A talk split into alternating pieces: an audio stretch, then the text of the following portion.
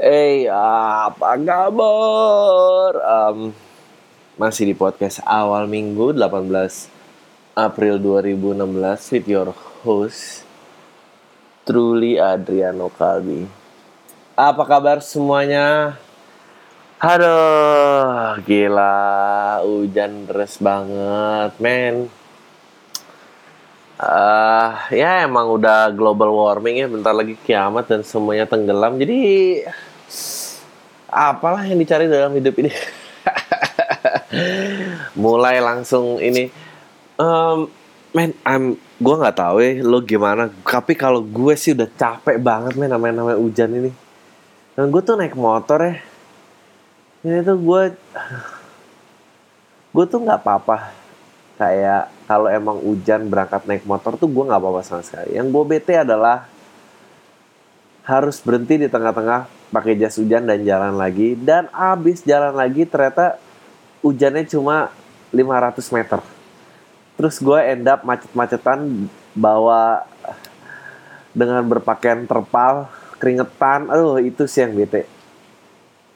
Uh, gimana lo kabarnya? Semua semua nyenengin? Bagus. Uh, kemarin Talk of Life show 2 udah jalan, we went well, menyenangkan dan kita uh, akan melepaskan direct download tapi kita nggak tahu apakah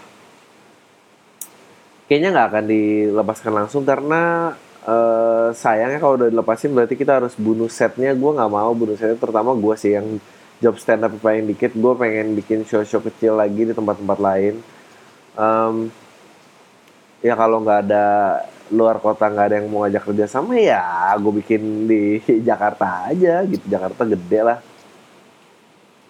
Um, semoga ada tempat gede yang bisa nampung kita dan kita akan bikin lagi. Yang jelas sih gue happy banget sih. It was so much fun.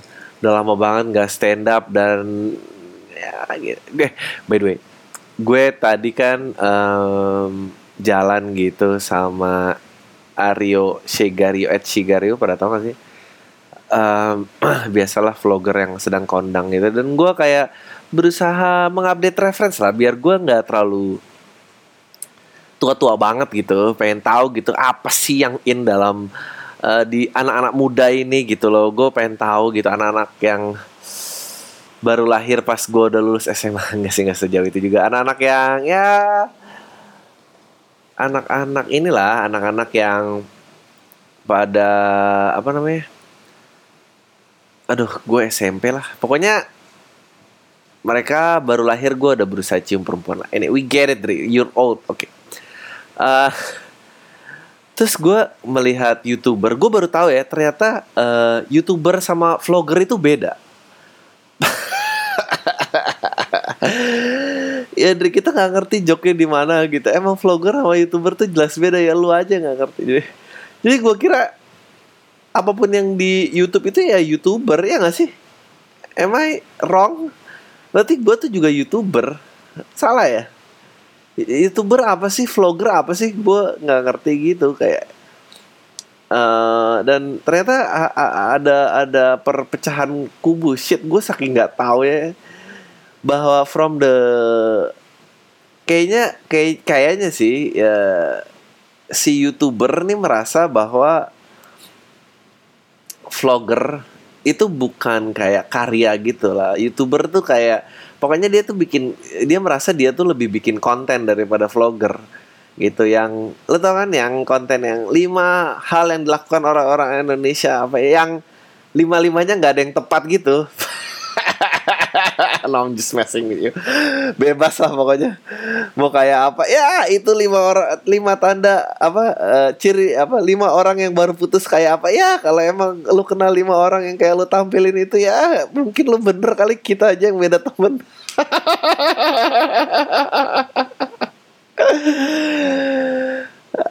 Aduh. Apa? Lima tipe orang yang suka kamu. Terus apa yang lima limanya nggak ada yang dekat dengan kenyataan. Gue kayak merhatiin dan wow ini gila dan edit editnya dan apa gitu. Eh what what what what what what what, what. itu di, of course di audio nggak kelihatan karena di sana tuh kayak what what what tiap what gitu tiap what mukanya ganti tiap what gayanya ganti. Oh my god nontonnya kayak anjing nih. Dari masa depan apa gimana sih cerita? Gak ada. Semua kayak eh ada beberapa yang menarik. Ada si cewek itu lumayan tuh Fatia whatever. Nama gue lupa. Dan uh, ada dari Kalimantan tuh juga gue kayak itu lumayan tuh menarik gitu. Um, ya gue berusaha you know. Kalian tau lah idola-idola remaja. Dan gue kayak anjing nih gue harus keep apa main kayak gini. Ini nih yang gue nggak sanggup nih gitu. What? What? What? What? What, what? sih like gue kalau mau bikin edit kayak gitu gue gue acting manual. Gue nggak tahu cara the chops the apa the ini ini ini aduh. Tapi ya untung lah masih main sama Aryo. Jadi kalau enggak gue makin gak tahu di dunia masak ini tuh kayak apa.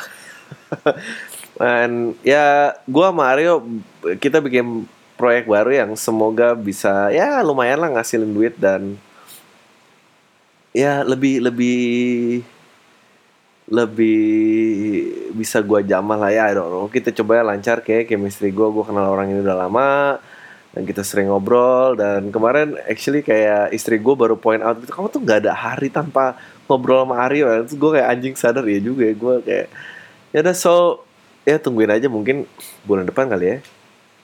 Anyway kemarin banyak nih yang nge-request gitu ya.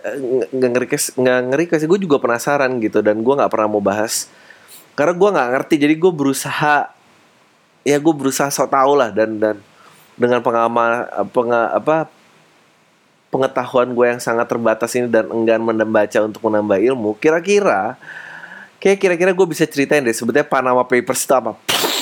Panama Papers. Itu itu kalau itu nggak pakai efek tuh pakai mulut gue aja. Kalau youtuber mungkin tuh pakai efek.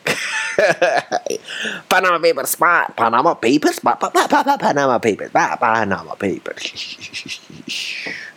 uh, basically so ceritanya kan uh, ada seorang um, anonymous tip yang menaruh semua nama-nama ke sebu sebuah koran lah yang gue sempat dipanggil ke Hard Rock FM waktu itu untuk untuk membicarakan. Dan gue sempet gak siap gitu. Gue bingung anjing Panama Papers kayak apa gitu? Semua orang kayak udah ramai ngomongin oh si ini si ini si ini si ini punya account offshore account offshore account offshore di sini. Karena kayak account offshore di negara-negara yang uh, either either kayaknya either bebas pajak atau tidak punya hubungan uh, bukan hubungan diplomasi hubungan ya pokoknya nggak nggak nggak nggak deket lah sama negara lo istilah tingkat keakrapannya tuh nggak you know kalau kalau ibarat sosmed kedua negara ini nggak saling fallback.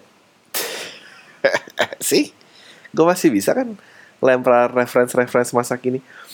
Um, and then ada list downs of names dan apa dan gue kayak udah langsung suruh siap hajar aja. Terus kayak apakah semua nama-nama ini adalah ilegal? Yang membuatnya fishy adalah nama-nama yang tercantum itu semua punya alias. Jadi aliasnya si A aliasnya ini saya dan akhirnya ketahuan alias alias ini siapa milik accountnya gitulah. Sampai ada Lionel Messi lah ternyata uh, terus ada uh, terlibat uh, fixing games gitu FIFA juga. Ya, itu sebenarnya udah dari dulu ya.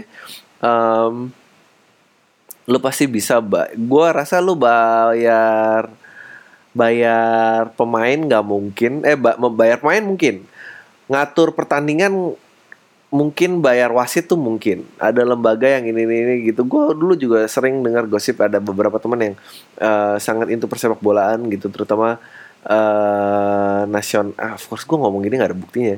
Yang half time tuh bisa kayak ya bapak mau kasih saya berapa ini?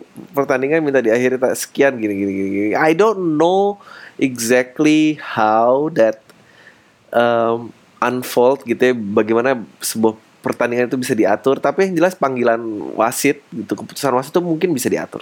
Uh, anyway terus ada ada ada ada beberapa nama termasuk orang-orang Indonesia dan segala macam dan ada uh, nama-nama uh, yang terkait pemerintahan gitu udah udah tapi yang jelas yang jelas uh, apakah semua nama yang ada di situ ilegal. Itu itu yang gue pertama kali yang timbul di di kepala gue gitu. Of course kayak jawabannya enggak ya. Karena gini loh ya kalau enggak kenapa harus namanya pakai alias bukan lo gini loh uh, lu pernah gak sih kayak baru terima THR terus semua mau minjem duit? Nah itu rasanya kayak gitu jadi orang kaya tuh gitu. Kalau lu kaya itu cuma setahun sekali gara-gara THR nah orang-orang ini dia ketahuan kayak tapi dia nggak mau ketahuan aslinya gue sekaya apa. Ya of course lah lu pengen ngelempar ke negara lain dan lu pengen sembunyiin under uh, uh, uh, nama nama orang lain ya, ya biar lu nggak dicari orang. Karena kalau lu kalau lu kaya lu selalu jadi target orang. Entah entah ada yang mau minjem duit ada yang modal usaha atau mungkin you know tokoh politik yang mau berkampanye banyak lah miliarder ya, ya, yang yang yang ingin melarikan diri. So itu kalau emang ternyata uh, dia hanya menyembunyikan kekayaan menurut gua nggak masalah. So so where it becomes wrong gitu kan. Yang becomes wrong tuh kalau gua ngeliatnya satu kalau lu berkaitan dengan uh, lu menjabat di sebuah institusi pemerintahan gitu. Lu lu menjabat sebagai wakil rakyat dan segala jadi yang di mana lu mestinya deklarasi uh, jumlah kekayaan lo dan uh, kepemilikan swasta lo itu bisa lo terlibat punya perusahaan dan segala macam itu harus dihapuskan. Itu tidak boleh atau harus udah dikasih ke anak lo atau apa. Ya pokoknya sebetulnya dikasih ke anak juga nggak boleh sih. Sebetulnya mesti harus diwariskan terhadap profesional. Tapi ya pasti harus mencari-cari jalan lah. Mana mungkin lo udah menabung kekayaan sekian banyak just because lu pengen kaya lagi dengan dengan memimpin sebuah negara masa kekayaannya harus hilang ke, ke ke orang lain? Kan pasti lu nggak mau dong. Lu pasti mencari cara lah. Gimana caranya? Apa nih loophole dari sebuah peraturan negara ini? Oh ya entah di namanya ganti lah atau nama istri lah atau apa atau mungkin istri kedua dan simpanan and so on and so on and so forth. Uh, uh, uh, itu kayak gitu. Itu, itu itu tidak boleh. Makanya banyak yang langsung diperiksa kan nih segala macam tapi ini nggak heboh sih Panama Papers cuma sebentar doang nggak seheboh apa aplikasi transportasi kalau dilarang, ci. ya like gue tuh sebel banget how kita tuh udah di demokrasi yang terlalu bebas banget sih. Kayak ya, dan dan media-media konvensional juga jadi kehilangan arah gitu. Mereka cuma bisa uh, mencari berdis, uh, berita berdasarkan trending topik gitu. Topik-topiknya udah jadi trend dan sementara ya apa yang terjadi dengan topik yang benar-benar penting tapi nggak ngetrend gitu akhirnya ini semua tenggelam di sea of nothingness. Sea of dan ya makanya uh, podcast podcast seperti podcast awal minggu ini bermunculan ya. Cik gitu. Yang membela yang benar. Gak ada yang gue nggak membela yang benar. Gue membela yang lucu. Cuma karena gue tuh gue berusaha mencari tahu ini karena menurut gue tuh orang yang bisa membohongi siapa pun yang canggih gitu membohongi negaranya atau apa itu, itu buat gue tuh canggih Buat gue tuh canggih banget karena uh, gue I always appreciate a good scam. Like gue ada tuh kalau kenalan berapa tahun terus gue nggak pernah nyangka uh, dia tuh nggak pernah suka sama gue terus duit gue lama-lama dimanfaatin dan gue nggak pernah tahu lima tahun selama lima tahun terus tiba-tiba duit gue hilang gue tuh antara sebel dan kayak anjing lu emang jago juga ya. Gitu. Gue tuh gue tuh respect sama yang kayak gitu gitu respect gue sama sama penipuan yang yang kayak uh, eh, gue berusaha mencari referensi tunggu bentar. kayak dulu um, gue punya temen yang uh, umurnya nggak jauh beda dari gue terus kayak kaya raya kaya raya gimana sih? Dari bapaknya apa gimana? Gue udah mulai judgmental kan. Maksudnya lu paling paling ya penjelasannya apa lagi gitu. Terus gue kayak ternyata gue teliti backgroundnya apa dan dia ternyata self made man gitu. Self made man terus ternyata um, usahanya ilegal semua gitu kayak anjing. Uh, apa uh, ternyata dia mengatur semua pengeluarannya itu dengan judi bola. Kayak ini gue tuh kayak salut banget anjing ini umurnya gak jauh beda sama gue semua adiknya kuliah dibayarin bla bla bla.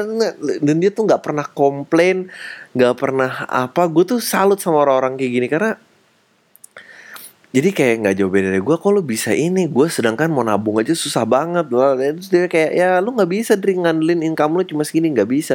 Jadi lu harus putar otak apa pun ini money is money. Gue tuh salah caranya dia salah. Tapi anjing gue salut banget sih lo yang penting semuanya kuliah semua ini nggak perlu tahu nih dari mana ini, ini ya udah.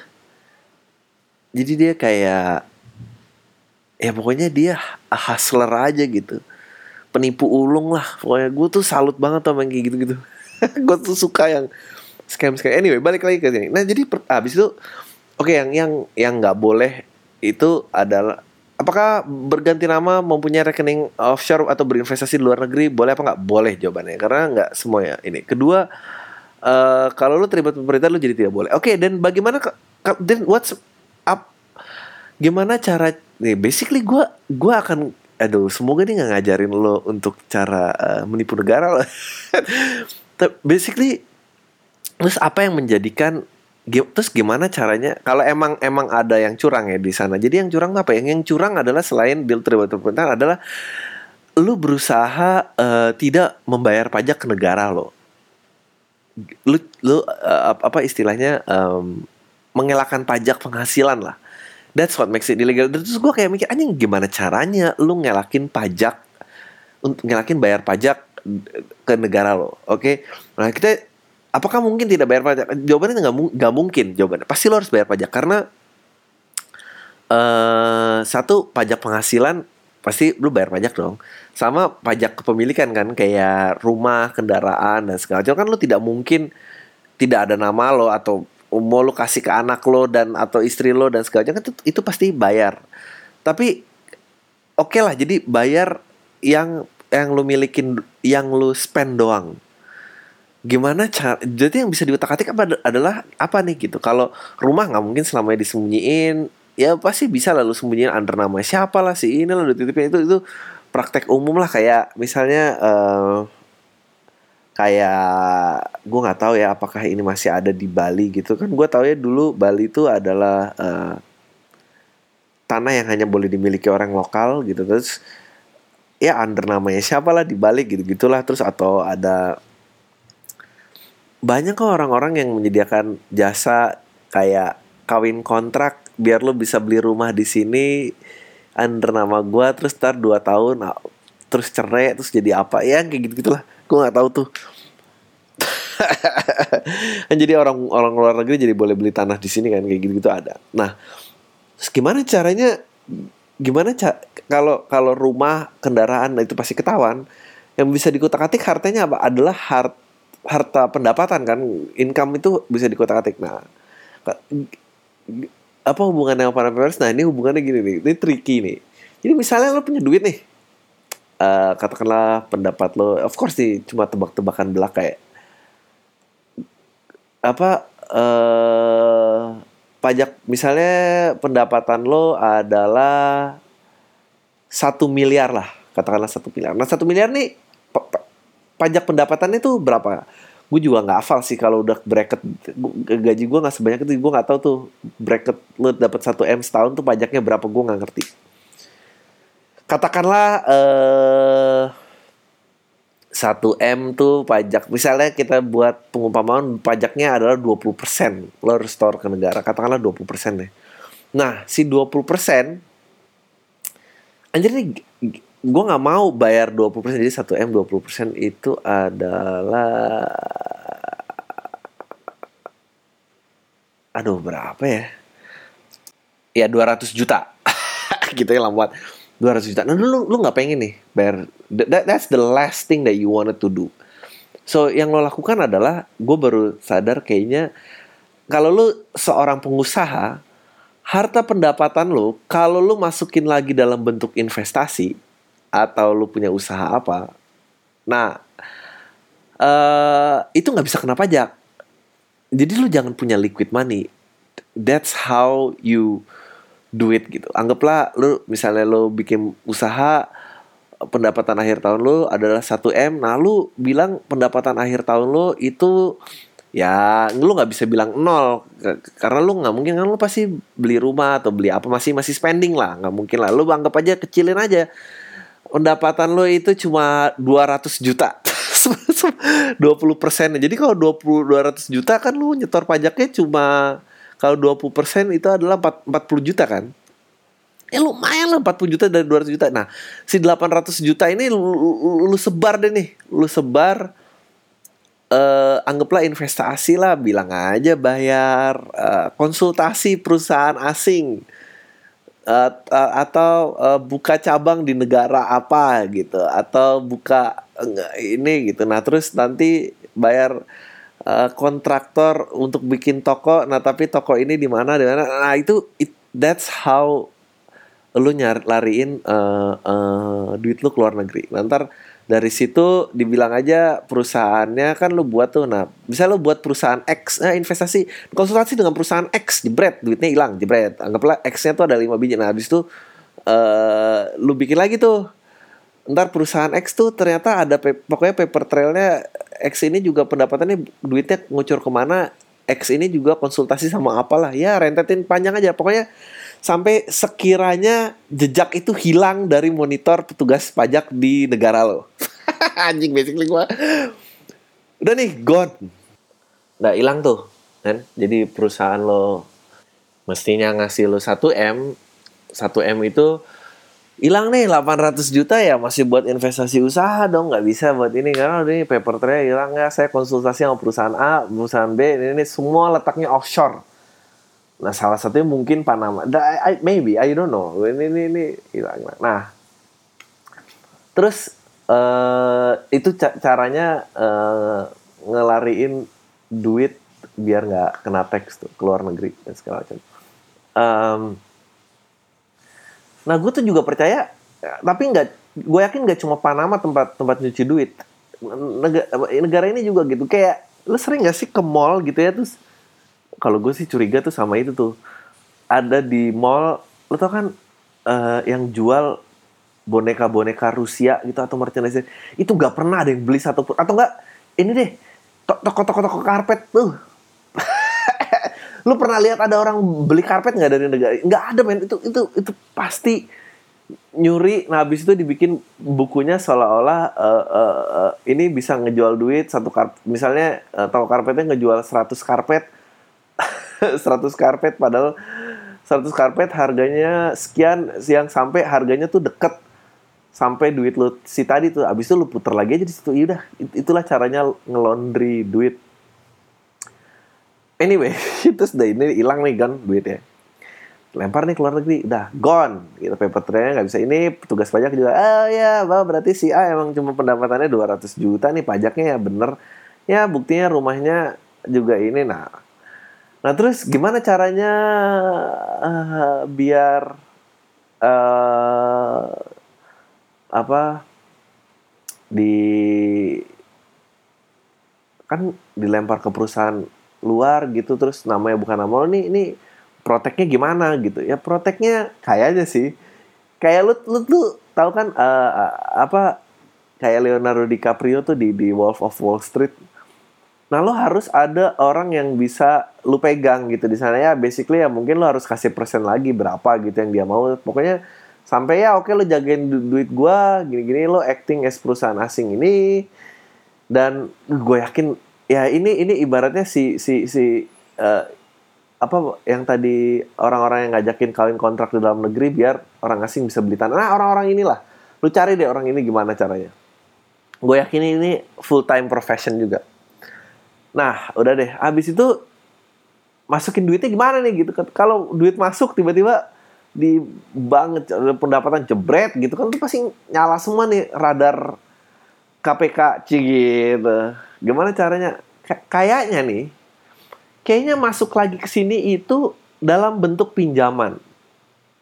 Jadi nanti akan ada jadi seolah-olah ya lo minjem duit aja gitu dikucurin dari perusahaan yang berbeda uh, dari per perusahaan yang berbeda terus lu seolah-olah uh, nyicil lagi ngeluarin lagi ke ke perusahaan lain yang basicnya lo lo lo lo doang lah.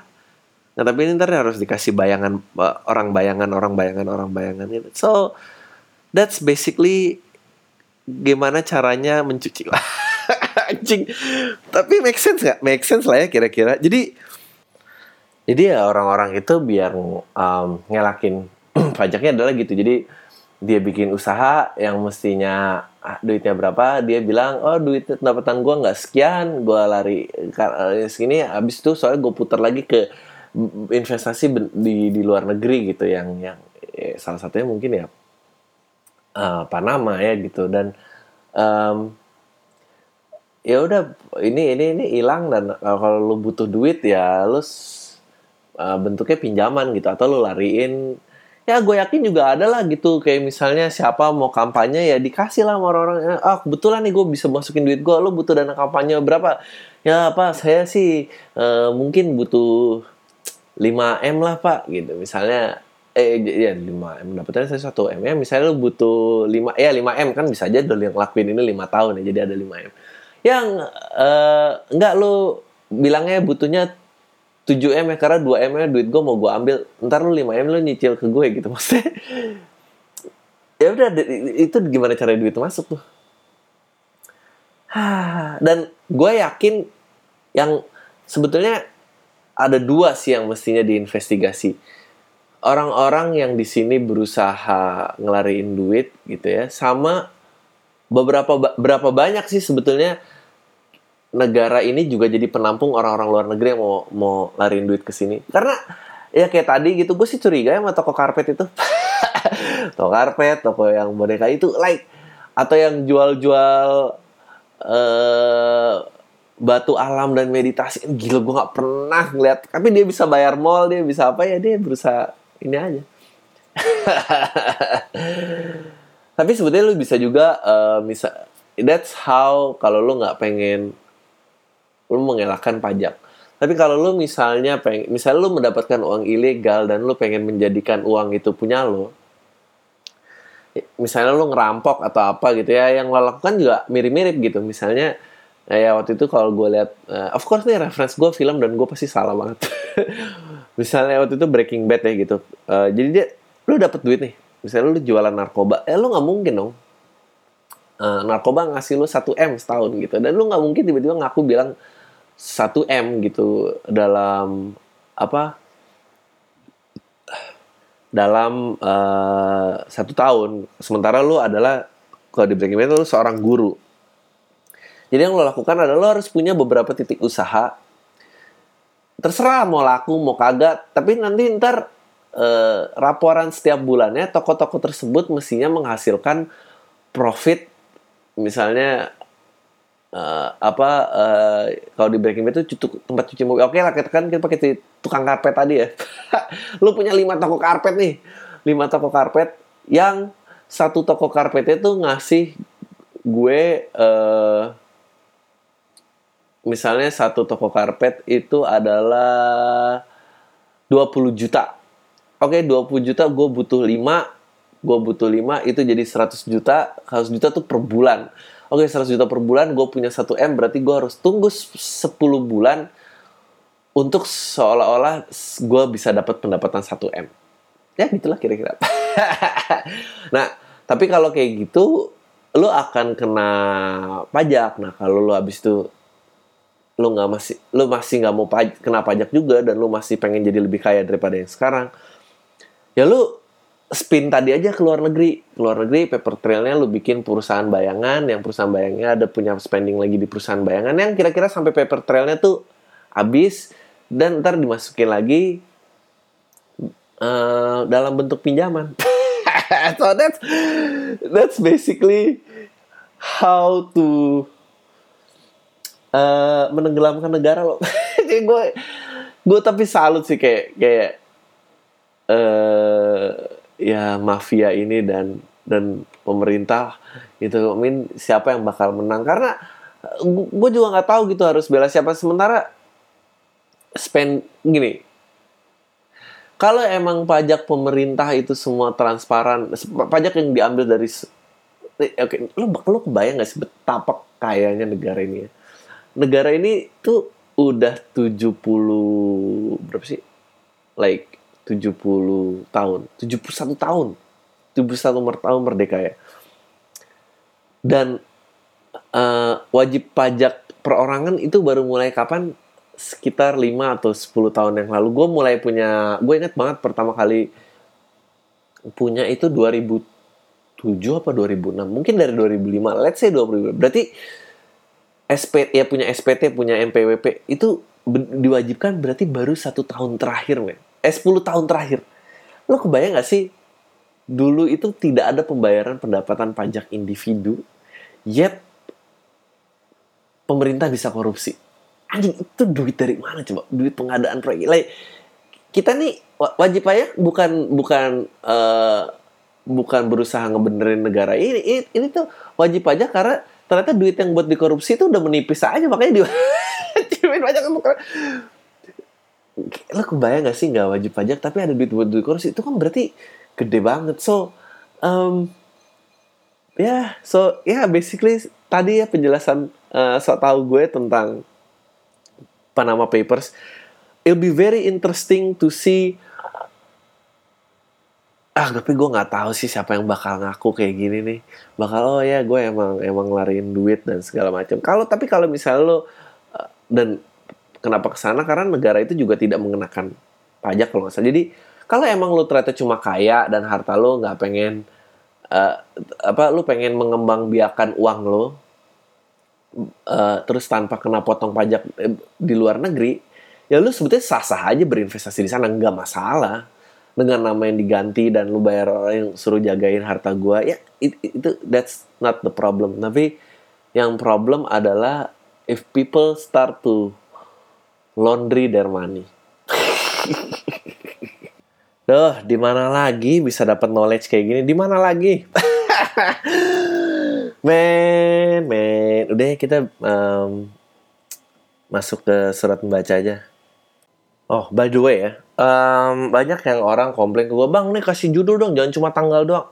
Ya, itu ada di descriptionnya. Apa bedanya sih baca description sama judul?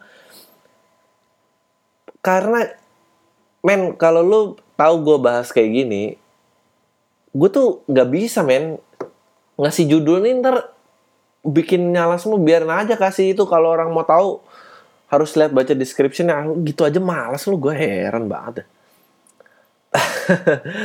terus pada nanya apa lagi ya waktu itu?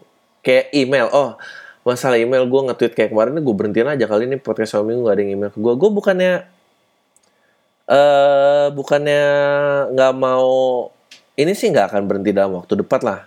Eh, dalam waktu de waktu dekat. Karena gue ngelakuin ini kan gue sering bilangnya bahwa ini tuh uh, wadah gue open mic gitu. Gue berusaha mencari joke di tengah-tengah materi dan segala gue ngelatih otak gue karena gue udah jarang bisa ke tempat open mic dan uh, gue ngerasanya uh, ya udah jobnya dikit, eh, lu udah bosen lah dengan gue ngomong gini terus gitu, gue udah gak jadi penyiar radio dan segala macam. Ya.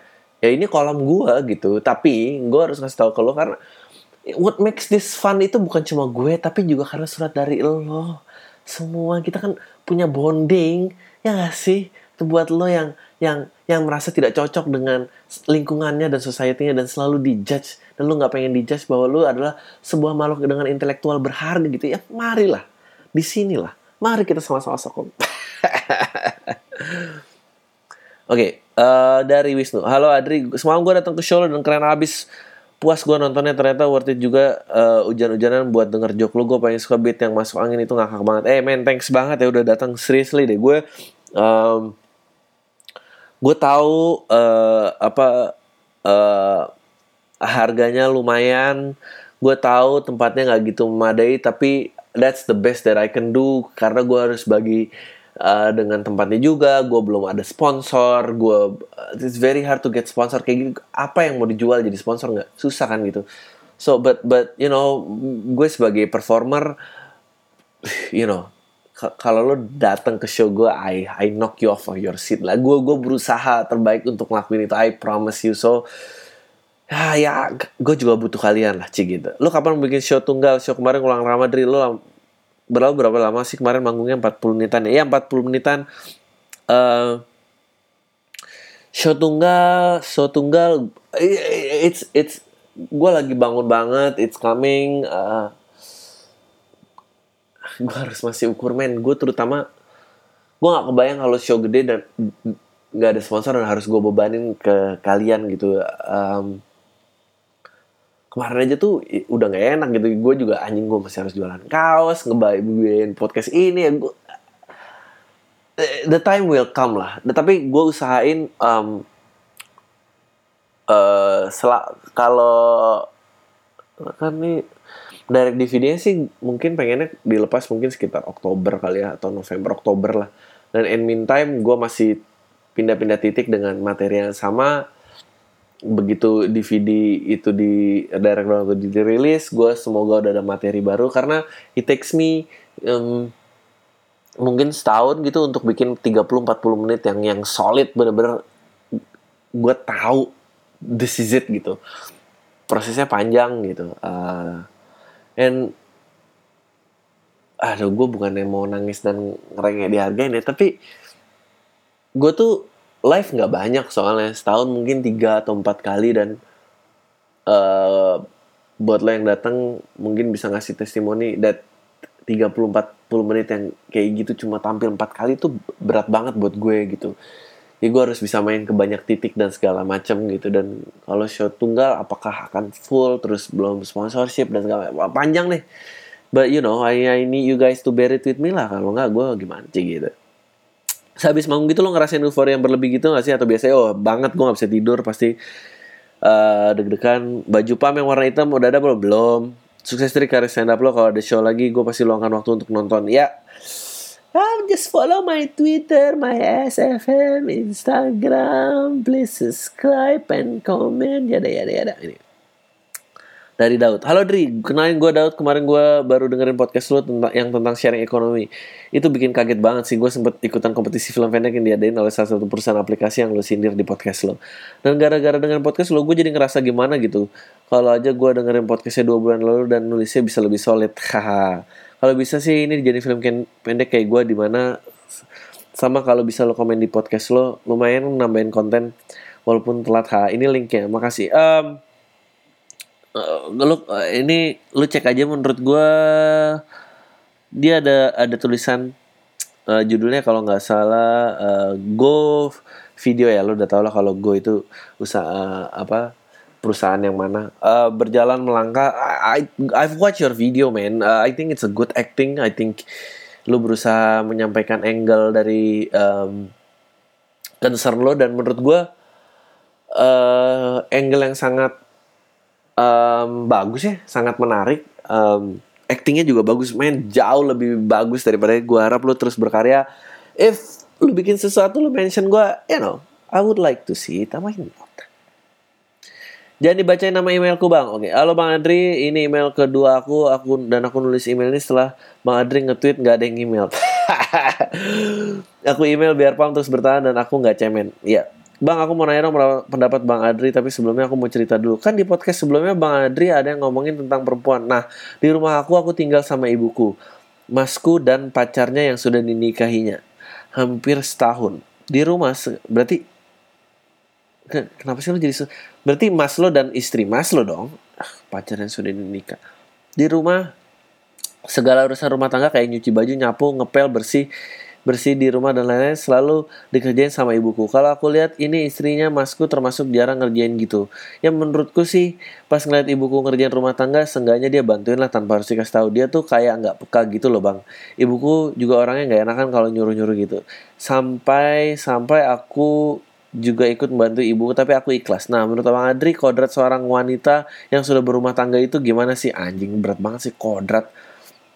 Uh, terus istrinya Bang Adri di rumah gimana? Anjing. Ngerjain kerjaan rumah tangga sendiri atau ada pembantu? Eh, uh, nggak ada pembantu, kita aja ngerjain bareng-bareng aja. Ya semenjak kejadian aku terus cerita ke pacarku biar dia kalau udah nikah nggak mau nggak kayak gitu. Haha, udah gitu aja cukup ngeramein podcast kan emailku ini. Thanks ya bang kalau berkenan mau jawab not sent from my iPhone because I don't have an iPhone. Pooh. Um, ya yeah, I, I I don't know man. Maksud gue um, uh, gue nggak obviously nggak kenal uh, apa kakak ipar lo gitu ya. Uh, menurutnya menurut gue sih kuncinya ada di kakak lo ya. Um, gue nggak tahu sih gue gue nggak pernah menjanjikan rumah tangga yang seperti itu atau dia tanya kakak lu kakak lu dijanjiin apa dia punya apa gitu apakah dia bilang ya kalau kamu nikah sama aku pokoknya kamu nggak akan perlu ini kamu bisa ini. Ya bisa aja kayak gitu. Bisa aja sebetulnya dia pengen bantu tapi nggak enak. I think what you need to do adalah ngobrol sama kakak lo dan bilang bahwa eh hey, uh, you know ibu lo udah tua dan tapi kalau ini mbok ya basa basi kayak bantu apa gini gini I think ibu mungkin seneng. Gitu sih jangan lo serang. Karena bisa aja ternyata kakak ipar lo tuh tak tahu menau atau emang dibesarkan di lingkungan rumah yang yang tidak biasa seperti itu kan semua juga adjustment sih gitu uh, tapi yang jelas uh, ya yeah, I think you should talk to your couple tentang tentang pasangan lo tentang rumah tangga seperti apa sih yang pengen kalian wujudkan berdua um, Dear Bang Adri Aku dengar podcastnya dan please jangan nemutin nama gue. Ini greeting yang sudah default kalau mau dibacain emailnya di podcast lo. Nah, thanks buat ya ini gue usah gue sebut dong namanya. Kalau gue sebut namanya, ntar yang de denger jadi tahu lo email gue yang udah jejelin podcast gue ya apalagi dia yang kenalin lo dengan podcast ini udah jejelin gue podcast awal minggu dan sampai sekarang bikin gue ketagihan sukses terus ya bang thanks Uh, jadi gini bang, gue lagi bosen sama siklus pacarnya yang gitu-gitu aja. Yang PDKT jadian berantem terus putus. Oh, wanita yang tahu apa yang diinginkan. Um, oh ini perempuan ya, gue harus kasih tahu nih karena kontennya perempuan nih. Nah akhirnya gue memutuskan untuk single dari bulan Januari lalu. Singkat kata, eh singkat cerita, gue mulai haus ingin disentuh. ya ya emang itu kebutuhan gue gak masalah Ha, ini tai banget sih emang. Terus gue kenalan lah sama orang kita satu universitas tapi dia sudah lulus. Oh, maybe gue mungkin ini harus gue bacakan dengan uh, tone sexy voice. Dan gue memperhatikan dia sudah lama banget sih dari tahun kedua gue kuliah dan gue PDKT. Gak pakai lama kita buat agreement kalau gue maunya I want to do something fun with you. Gue gak butuh diperhatiin dan ditanyain udah makan atau belum? Atau lagi ngapain setiap hari anjing? Dan dia menyetujui hal yang lama eh hal yang lama hal yang sama. Dia juga jenuh sama rutinitas gitu. Ah ini paling seneng nih gue baca-baca email yang kayak gini nih gini dong kan jadi rame podcastnya um, gue pasti rahasiain lah kapan sih pernah gue bocorin dia juga dulu rutinitasnya dan kita make out lah akhirnya uh Lu tahu kenapa pakai kata make out? Karena ini uh, belum 100%. Tapi setelah itu gue bingung sendiri. Kayak, ya you know I admire you since my second year. Dan ini udah tahun keempat gue kuliah. It means udah dua tahun yang lalu gue admiring lo. Dan mungkin hingga saat ini dan mungkin hingga saat ini. But we make out and it's not letting happen. Oh, it's not letting happen. Oh, gue kagum ke dia selama dua tahun itu hilang aja udah. Cii. Terus setelah kejadian itu kita mundur masing-masing dan hampir sebulan gak ada komunikasi. Ah. Men, gimana sih? Saya pada akhirnya beberapa hari lalu kita komunikasi dan dia mulai memancing dan gue kena damn. Uh, emang gitu ya kalau masih ada debar-debarnya tuh ngobrol dikit aja kayak anjing nih udah ngarah mana gimana terus kita make out lagi untuk kedua kalinya dan gue mulai don't give a damn sama nama perasaan anjing we fuck and all clear. And all clear ini maksudnya apa nih? Oh, dan semua uh, eh, gue menikmati gue menikmati itu eh, gue menikmati itu habis. Ah, gue harus baca. Gue menikmati itu habis. Dia enak banget sih. Anjing. Dia enak sih gimana dong tai emang. Eh emang ya, ya emang emang ya pastilah enak lah. Nafsu dua tahun ditahan-tahan gila lu digoda sekali bleber ke mana-mana ini. But the other side of me gue menginginkan sebuah hubungan yang istiqomah astaga. Halah gue juga nggak ngerti istiqomahan. Ya maksud gue hubungan yang melibatkan perasaan tanpa rutinitas yang ngebosenin kayak di atas yang gue sebutin tadi.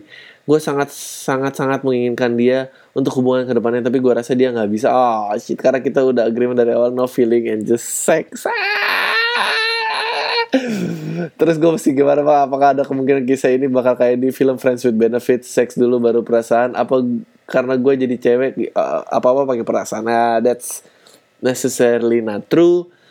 Thanks ya bang udah mau baca email gue yang panjang banget kayak jarak antara Ban Jakarta Bandung jalan kaki. Oh wah gue bisa gue tebak jalan apakah orangnya di Bandung. berharap saran lo kali ini benar dan bisa gue ikutin. Sukses terus ya bang Adri. Love XO kiss eh hugs and kisses. Um,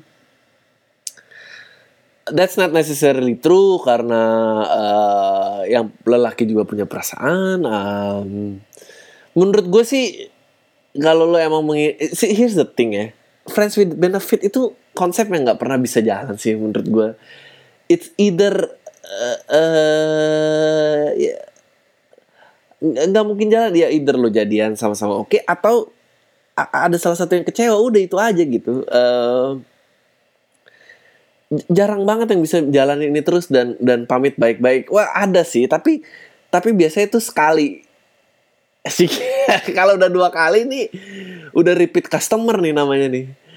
Kalau sekali itu masih sekali ya dia enak tapi gue agak nyesel. Ya kayak gue don't mind temenan. Tapi kalau udah berkali-kali itu susah gitu. Um, kalau lo emang pengen tak menuntut kejelasan menurut gue bilang aja sih minta maaf aja. Eh gue akhirnya gitu tapi ya lo harus siap-siap karena dia nggak ada apa-apa ternyata uh, ya dia lo akan kehilangan dia. Tapi nggak enak lah pasti fucking sambil mikir anjing dia mikir apa tentang gue kalau yang awal-awal kan bisa ambil aku ah, udah gak peduli lagi. Terserah dia mikir apa dulu terlibat dalam kemelut itu dan ya pasti nikmat banget lah. Sedangkan satu lagi mikir kayak aduh semoga emang beneran ya ini cuma gini doang dia nggak mau pakai perasaan. Eh dia nggak mau pakai status well you know. Uh, tanya aja men. Tanya aja ya lo harus siap kehilangan. Kalau emang kehilangan ya udah gue yang kesal juga. Capek pasti. Have sex sambil mikir aduh ini gimana ya dia? Cik gitu. Apa? Kamu udah langsung mau pulang? Kenapa emangnya? Kamu mau ada sesuatu? Yang enggak enggak. Harus lo pendem dia bang jadi uh, dari Rizky. Bang jadi sebetulnya semua ini semua bukan tentang lo atau atau ini semua tentang lo? Eh enggak ini udah gue jawab. Semua tentang gue tapi uh, lo play 40% lah biar nggak setengah-setengah. 40% dalam keseruan podcast ini jadi terserah lo. Oh ya bang gue mau nanya dong kalau lu punya temen yang kalau kalah banyak alasan tapi kalau menang sombong banget anaknya yang diapain ya? Kalau gue kalau udah menang gitu aja. Tapi pas dia menang dan nyombong gue sih jadi nyesel nggak nyombong. Ha dan selalu berulang uh, katanya kalau pam nggak ada pendengar lo tetap lanjut. Masa nggak ada yang email lo? Mau berhenti cemen lo. Ya iya. Uh, gue sih biasanya uh, gue malas ya kalau gue punya teman kayak gitu.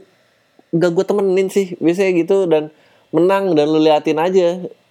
Oh kalau gue nggak gue ajak ngobrol. Karena kalau gue ajak ngobrol dia pasti alasannya lebih banyak daripada apa yang gue usaha berusaha tanyain. Eh gimana lo? Masih gini aja kalau oh, enggak gue ini, ini ntar dia nyautin jadi banyak mendingan menang dan ah ya kita terakhir kali ketemu bye. Gitu aja sih. Nggak usah ribet-ribet. Please don't stop uploading loading.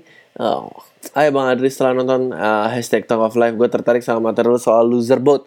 Please Bang ceritain lebih rinci gimana bisa pada akhirnya Abang memutuskan buat tinggal Men, gue. You guys are really hopeless ya semua orang benci materi cinta-cintaan. Tapi emang cuma cinta yang yang bikin semua tuh tertarik. Um, jujur sejak sejak materi lo gue jadi mulai kepikiran. Thanks before. Um, Kayaknya ada deh di materi yang gue ngobrol sama Romeo Gadungan. Kalau secara detail enggak ya karena gue percaya kalau gue ngomong serius nih, gue percaya orang beda-beda sih kodratnya. Orang tuh eh, nggak uh, semua diciptakan untuk untuk satu gue juga nggak ngerti. I think ini perjalanan spiritual atau takdir gue yang udah gue jalanin dan um, gue dulu ada fase gue gak pernah pengen kawin gitu 24 tahun dan gue sampai uh, mendudukan orang tua gue untuk itu dan uh, ya udah gue jalanin semua ya dan gue mencapai titik lain lagi yang gue dulu juga preaching about uh, kenapa mesti jangan kawin bla bla bla. Itu sebuah institusi yang mas institusi yang yang sangat tidak jelas yang konsep institusinya masih terus gue pegang gitu. Emang itu tidak jelas gitu. Emang uh, tidak perlu ter, menambah pressure akan kehidupan gitu. Um, tapi ya ya gitulah. Maksud gue nggak nggak Tapi kalau alasan-alasannya kayaknya cukup lo denger yang bareng Romeo Gadungan deh. Kayaknya bisa lo petik. Gitu. Biar angka frekuensinya naik dikit. Halo bang, ini email ketiga gue. Email pertama dibalas, email kedua nggak dibalas. Gue tahu email lo yang kedua apa. Bang, tolong komen tentang hari belanja nasional dong. Gini ya, kalau yang buat yang email tuh, anjing gue ngatur-ngatur. Coba dielaborate kenapa menurut lo menarik dan gue bisa jawab. Tapi kalau lo cuma nyuruh gue kayak babu, gue bingung juga gitu. Kayak hari, hari kok. Ini kayak ada beberapa dari uh, eh, SFM gitu. Tolong bahas tren tentang uh, hashtag cium ketek pacar ya mana gue tahu. Ya kenapa minum perasaan lu lu kenapa gitu? Lu ngeliatnya gimana fenomenanya? Masa gue jadi harus uh, nyari lu ngasih gue PR hashtag cium ketek pacar terus gue jadi ngeliatin ABG ABG yang nyium ketek pacarnya dan gue jadi harus men aneh men gitu. Kalau mendingan lu tuangin perasaan lu dan kenapa harus dibahas gitu loh jangan cuma uh, email ketiga semua dibaca. Dibaca nih bawel by the way gue cuma mau ngasih pendapat kenapa lu tuh nggak tenar-tenar. Gue anggap lu tuh kayak fight club. Gue dengar enjoy lu tapi nggak usah diomongin juga ke orang lain tai. Ini juga sebabnya kenapa gue nggak datang ke acara di Kemang. Tapi gue berani jamin gue bakal beli digital download ini kayak gini-gini nih. Semoga cepat didistribusin ya atau berharap ada yang upload ke YouTube versi gratisannya. Oh, nggak ada kayaknya by the way Tylo regards Chandra. Eh iya cium ketek pacar tuh diapain ya? Gue juga bingung. Anyway uh, Rengga. Halo bang. Semoga sehat selalu. Sayang banget aku nggak nonton Talk of Life kemarin. Tapi meski nggak nonton showmu bukan berarti aku nggak dengerin podcast ini. Semoga nanti ada DVD-nya nggak ada DVD ada direct download. Sama nyebar memory card kayaknya apa menurut Bang Adri uh, penyanyi atau grup musik yang sering tampil di TV tapi lip sync Bang? Uh, suguhan seni yang menipu atau bagaimana? Semoga makin banyak peminat stand up ya Bang. Biar bisa show ke kota-kota Jawa Tengah. Mau dong undang Jawa Tengah. TV lip sync. gue nggak tahu men. Dunia media penayangan tuh katro sih kayak gue rasa kalau uh, kalau artisnya sebutnya juga pasti nggak betah sih lip sync tapi pasti karena kebutuhan produksi lah, ini itulah, terus dipaksa harus on time dan apa, ya akhirnya kayak gitu. Dan karena semuanya settingan sih gitu. Lu jangan ngomong kalau gue lu jangan ngomong masalah lip sync ya masalah itu TV tuh sebetulnya kalau nggak bayar penonton masih bisa datangin penonton nggak? Live. Kalau nggak ya lu berarti bikin sesuatu yang jelek gitu aja sih Tapi yang mungkin TV juga adalah salah satu bentuk money laundering dari luar negeri yang berusaha. Eh, bisa loh. Gak ada penontonnya tapi eh. Halo Bang Adri, uh, gue Lian dan gue pendengar setiap podcast dari awal. Gue senang banget sama sudut pandang lo yang skeptis yang dituangkan dalam podcast awal minggu. Hey. Gue mau nanya bang, pernah gak sih dalam hidup lo lo merasa telat mencapai keberhasilan dan kemapanan? Ah, anjing, sampai sekarang juga belum nyampe. Kalau pernah apa yang lo lakukan dalam menghadapi itu? Eh, ikhlas aja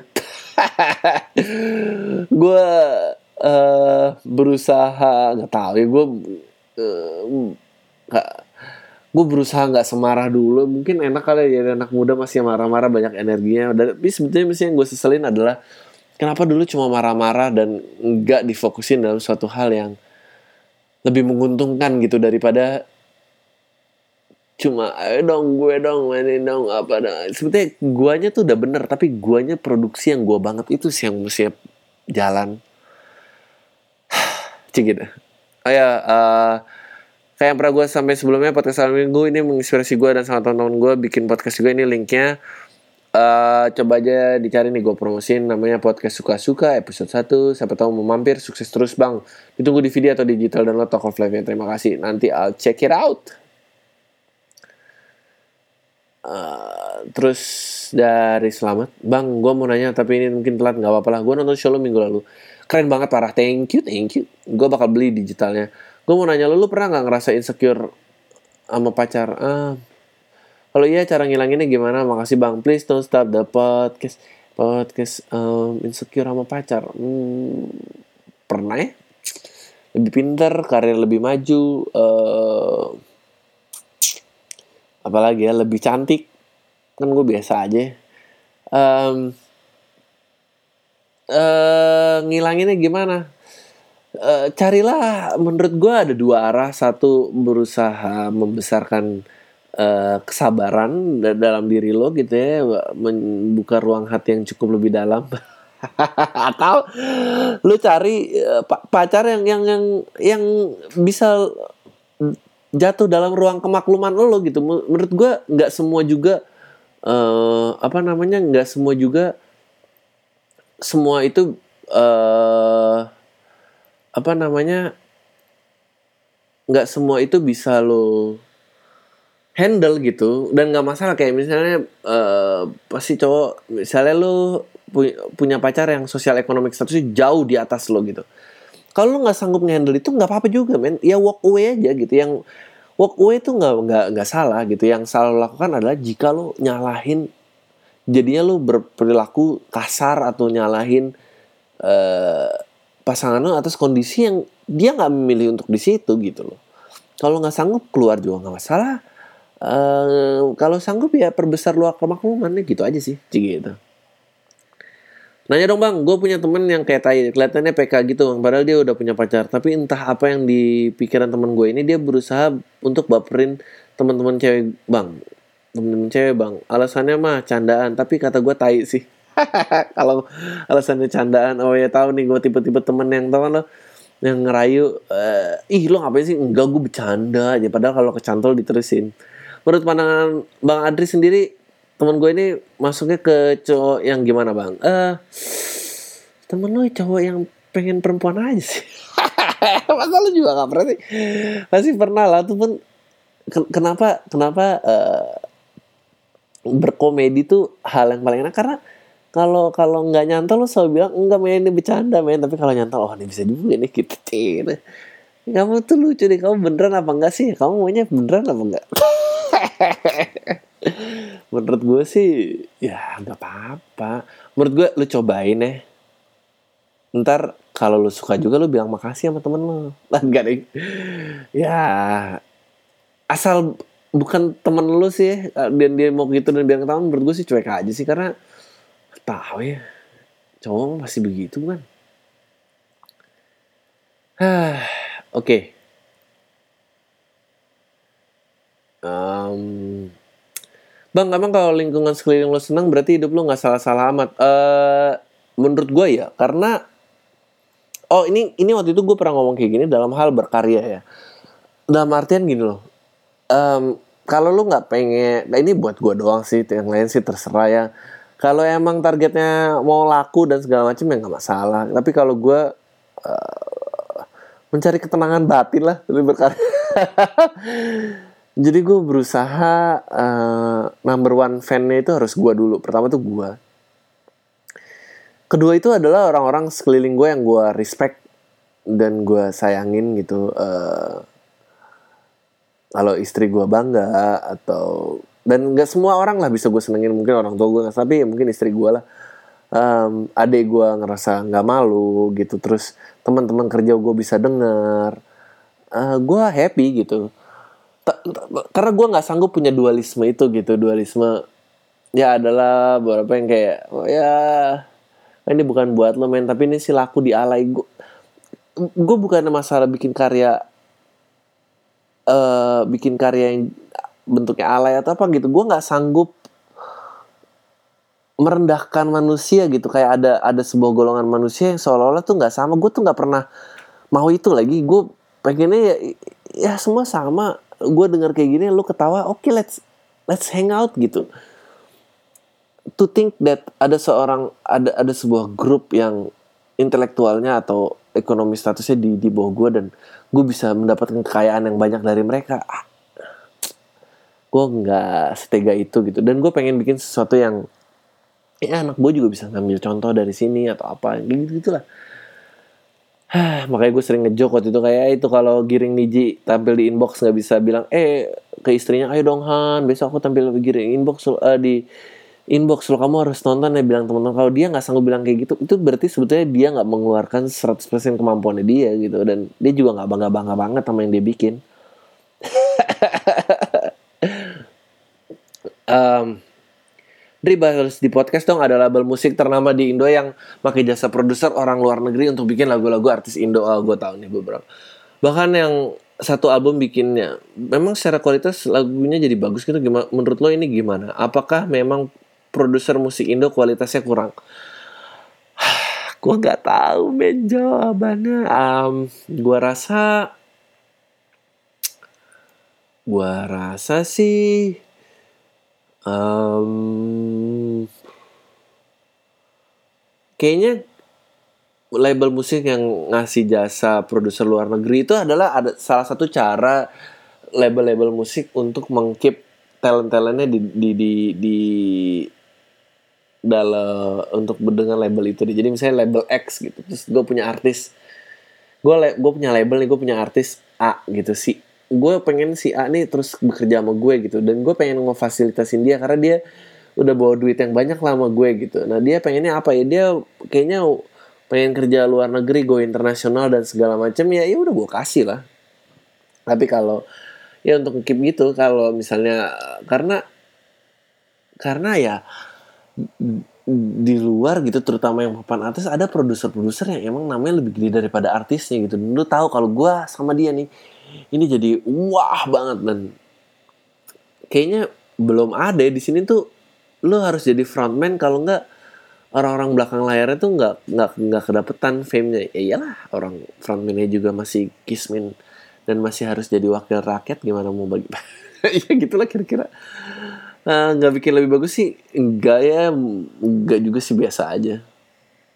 Tapi mungkin itu caranya mereka untuk keep secara umum orang bisa nggak sih hidup dari kreativitas uh, misalnya dari ngeband bikin buku stand up dari seleb YouTube dan lain-lain? Kalau emang emang bakal bertahan lama. Soalnya hal kayak gitu biasanya tergantung tren dan tren nggak ber, nggak bertahan lama. Ya bisa dan enggak ya. Yang yang bertahan ya lu lihat aja apa yang udah bertahan. Yang cuma tren ya lu lihat aja yang tren. Lu basically nggak jawab gue juga bingung mau jawab gimana. Secara umum gue rasa nggak bisa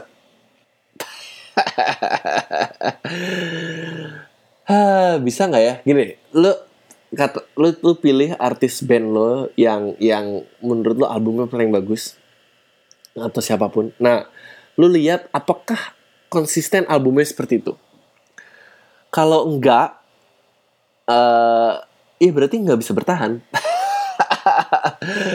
Atau titik paling lakunya gimana dan kenapa dia jadi nggak laku lagi? Dan sekarang band itu ngapain anjing siapa yang punya karir paling panjang ya di dunia entertainment Indonesia? Titi Puspa mungkin. Lalu ngomong Indonesia ya dan bener-bener kepanjangan gitu. Eh, bener-bener berkepanjangan gitu. Mendiang Krisya the rest is sangat susah gitu uh,